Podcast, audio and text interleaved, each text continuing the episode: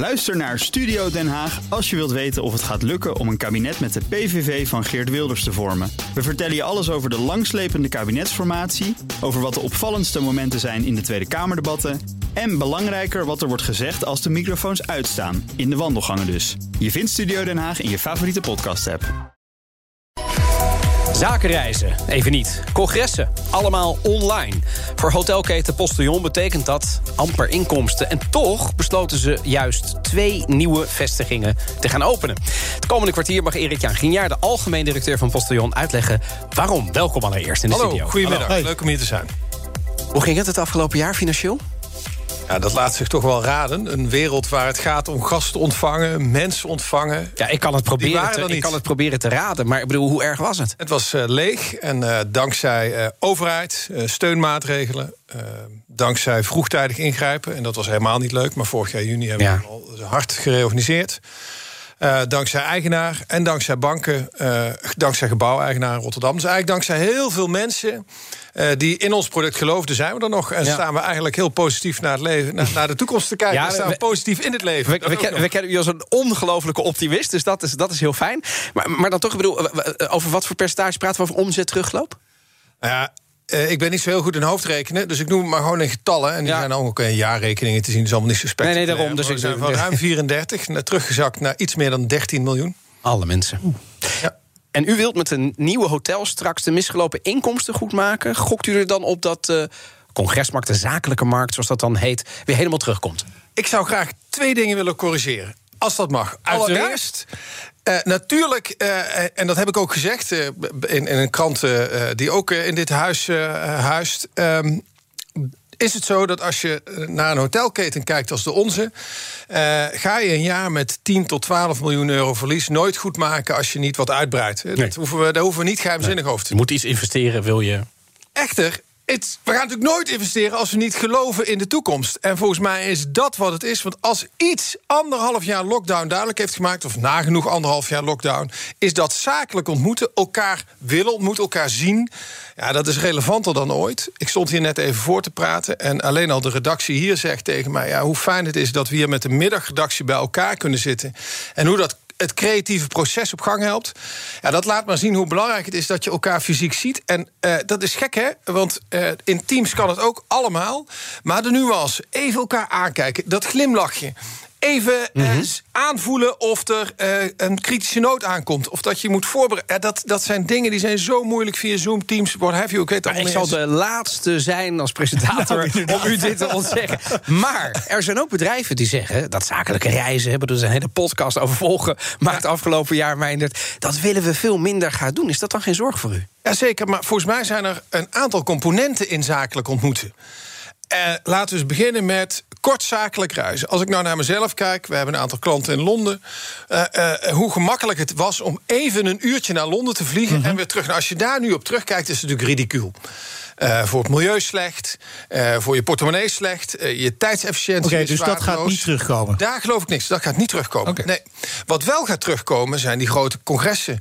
Eh, duizend gasten, twee, drie dagen. Een hybride toevoeging is een verrijking. Want je gaat veel meer mensen bereiken. Die, gewe- die Even voor de mensen hybride, dat betekent dat het zowel online te volgen is als, als fysiek. live. Ja, als live. Ja. Exact. Eh, dus dat zie ik als eh, toevoeging. Maar wat heel veel mensen vergeten is... wat ik als een hele fantastische nieuwe markt zie... is die kantorenmarkt die daaraan is gegaan. Vertel. Nou ja, als je nu al kijkt naar een aantal banken... die gewoon een, aantal, een, een kantoorcapaciteit gaan halveren... Ja. en die mensen moeten toch vergaderen. Dus er ontstaat in dat kortzakelijk ontmoeten een gat... maar er, er ontstaat op de, zeg maar, de opgeheven kantorenmarkt... Je moet, je, er- je moet wel kans. ergens gaan ontmoeten, zegt u. Ja, ja, natuurlijk Ja. moet je ergens gaan ontmoeten. Ja. Want En, en dat gaan ze bij jullie doen dan? Ja, met een eh, lekker broodje erbij, een kopje koffie? een vergaderzaal vullen kunnen ze bij ons en heel veel ergens Ah. ook elders. Maar ja. ik ga vanuit dat ze dat bij ons komen doen natuurlijk. Dat is, eh, Ja. Nou, toch nog even terug naar dat, dat, dat desastreuze jaar 2020. Ik weet nog dat ik hier in Amsterdam ergens met, laten we zeggen, alle mensen van de eventwereld in januari vooruitblikte op het eventjaar wat komen Ja. zou gaan. Met Zandvoort, met het Eurovisie Songfestival, met het EK. Het, het- hier nog ergens tissues? Ja, nee, is zo verdrietig. En, Ja. en, en dan kijken we nu terug. En wanneer hoopt u dan weer op het niveau 2019 ongeveer te zitten. Ik bedoel, KLM maakt al bekend... voor 2026 gaan we daar niet meer aan denken. Wat zegt Postillon? Ja, wij, wij doen dat wel. Uh, wij denken eigenlijk, en we zien ook... ik wil daar ook wel wat toelichting op geven... maar wij, wij verwachten eigenlijk eind 2022, begin 2023... weer terug te zijn op het niveau van 2019... Um, daar zijn ook echt wel uh, uh, serieuze aanwijzingen voor dat dat gaat lukken. Wat is de belangrijkste? Uh, vorig jaar, toen er weer een heropening was in juni, mm -hmm. hebben we een enorm snel herstel van de markt gezien. Eerst in de zomer binnenlands toerisme. Nou, dat was fantastisch. Het was ontzettend leuk om zoveel mensen uit eigen land te mogen ontvangen. Had ook wel wat in te halen, hè? ja, nou, dat moeten we nagaan wat, we ja. nu, ja. wat ons nu te wachten staat. Want even voor de record, het, jullie zaten vol met heel veel Nederlanders gewoon. toerisme. Dat was geweldig. Dat was echt heel leuk. maar september, dat was natuurlijk de eerste zakelijke ma maand. Weliswaar op anderhalve meter. Uh, uh, maar dat was een fantastische september. Binnen de beperkingen. Uh, nog steeds, maar 55% van de omzet normaal gesproken. Maar desalniettemin, wat zo mooi was aan die maand september... was dat een maand was dat we onze eigen rekeningen konden betalen. En niet afhankelijk waren van overheidssteun, banken of eigenaren. Dus volgens mij is het zo dat als wij nu ook kijken naar september en oktober in onze boeken... er staat een fantastisch druk najaar staat ons en, te wachten. En staat het dan met potlood erin onder de voorwaarden... 14 dagen van tevoren kunnen we nog afzeggen? Meneer? Ja, de annuleringsvoorwaarden zijn natuurlijk enorm veranderd uh, ja. het laatste jaar. En neem men dat ook maar eens kwalijk. Want het, als ik naar mezelf kijk, als ik privé iets ga doen... dan wil ik er ook nog vanwege alle handen uh, maatregelen nog onderuit komen. Kan dat bij jullie? Dus volgens mij moeten we daar flexibel mee omgaan. Dat doen we ook. Okay. Ja, natuurlijk. Je luistert naar BNR in de middag. De gast is algemeen directeur Erik Jan Ginja van hotelketen Postillon. En je zei het eigenlijk al, de agenda voor het najaar ziet er eigenlijk al heel erg vol uit. Dat, ja. dat stemt gelukkig, neem ik aan. Ja. Um, dan even, he, twee, twee nieuwe hotels. Waar komen die? Rotterdam zijn we al geopend. Ja. Den Haag, congrescentrum is open. Het hotel moet nog gebouwd gaan worden. Dat dus Den Haag, dat wordt, dat wordt geen klein ding, hè? Nee, in Den Haag kunnen we dadelijk het grootste plenaire, de grootste plenaire zaal van Postillon openen. Daar hoeveel, dadelijk, hoeveel, vierkante meter hebben we het over? Er kunnen dadelijk uh, 1400 gasten in. Dus dan hebben we het over ruim 1500. Het is wel een podium waar wij willen staan, uh, Donatello, een keertje. He? Ja, dat lijkt me, dat lijkt me fantastisch. Ja, ja, moeten we zeker doen. Ja. ja, Den Haag, hè? Ja, dat is een mooie stad. Um, maar dan de branche. De horeca heeft flink van van zich laten horen in de crisis. Um, jullie hebben ze een beetje losgemaakt van Koninklijke Horeca Nederland. Um, maar dan moet je dus je eigen belang gaan behartigen. Uh, en ik kan me dan voorstellen dat jullie ook nog wel wat nood op de zang hebben. Wat, wat, wat zou je nou willen van de politiek qua maatregelen... waardoor jullie zeggen als hotelbranche, als eventbranche... een beetje hybride, ja, dit hebben wij wel nodig, lieve mensen in Den Haag... om straks weer onze eigen broek op te kunnen houden. Wat we echt nodig hebben is zekerheid dat als we nu weer open gaan. Uh, dat we niet over vier, vijf, zes, zeven of acht weken. Weer allerlei beperkingen aan onze broek krijgen. Ja.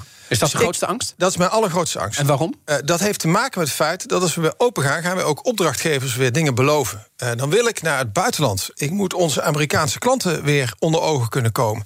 Ik moet onze UK-klanten weer onder ogen kunnen komen. En niks is zo vreemd als ik daar een, als, als, de, als een onzeker verhaal. Daarom vind ik zo'n demissionair kabinet ook zo vreselijk. Ja. Want dat maakt zo'n land ook heel onzeker. En als jij in het buitenland bent, dan moet je ook met zekerheid kunnen vertellen dat wat hier gebeurt, dat dat ook echt gaat gebeuren.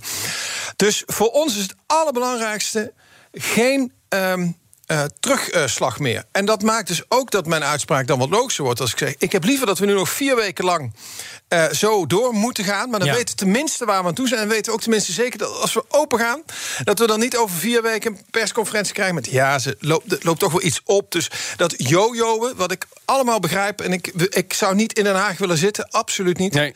Maar je uh, zit er ook niet en, uh, en je uh, hebt er niks aan. Nee, precies. Dus, maar, maar, even voor de record, zo'n overmorgen, hè, de terrassen gaan open. Ja. Heb je daar überhaupt iets aan als postillon hotels?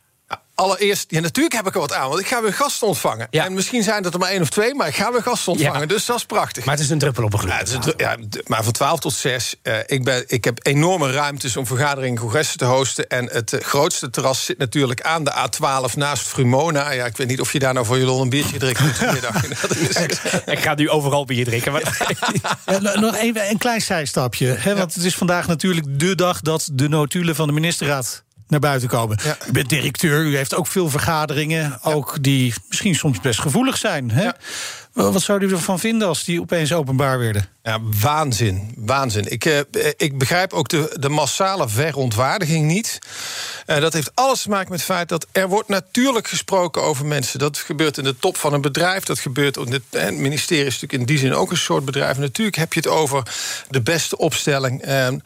Dus natuurlijk heb je het ook over kritische Kamerleden. En hoe die je daar het beste mee om kan gaan. Dus als ik kijk naar mijn bedrijf, dan hebben we ook over waar, wie past waar.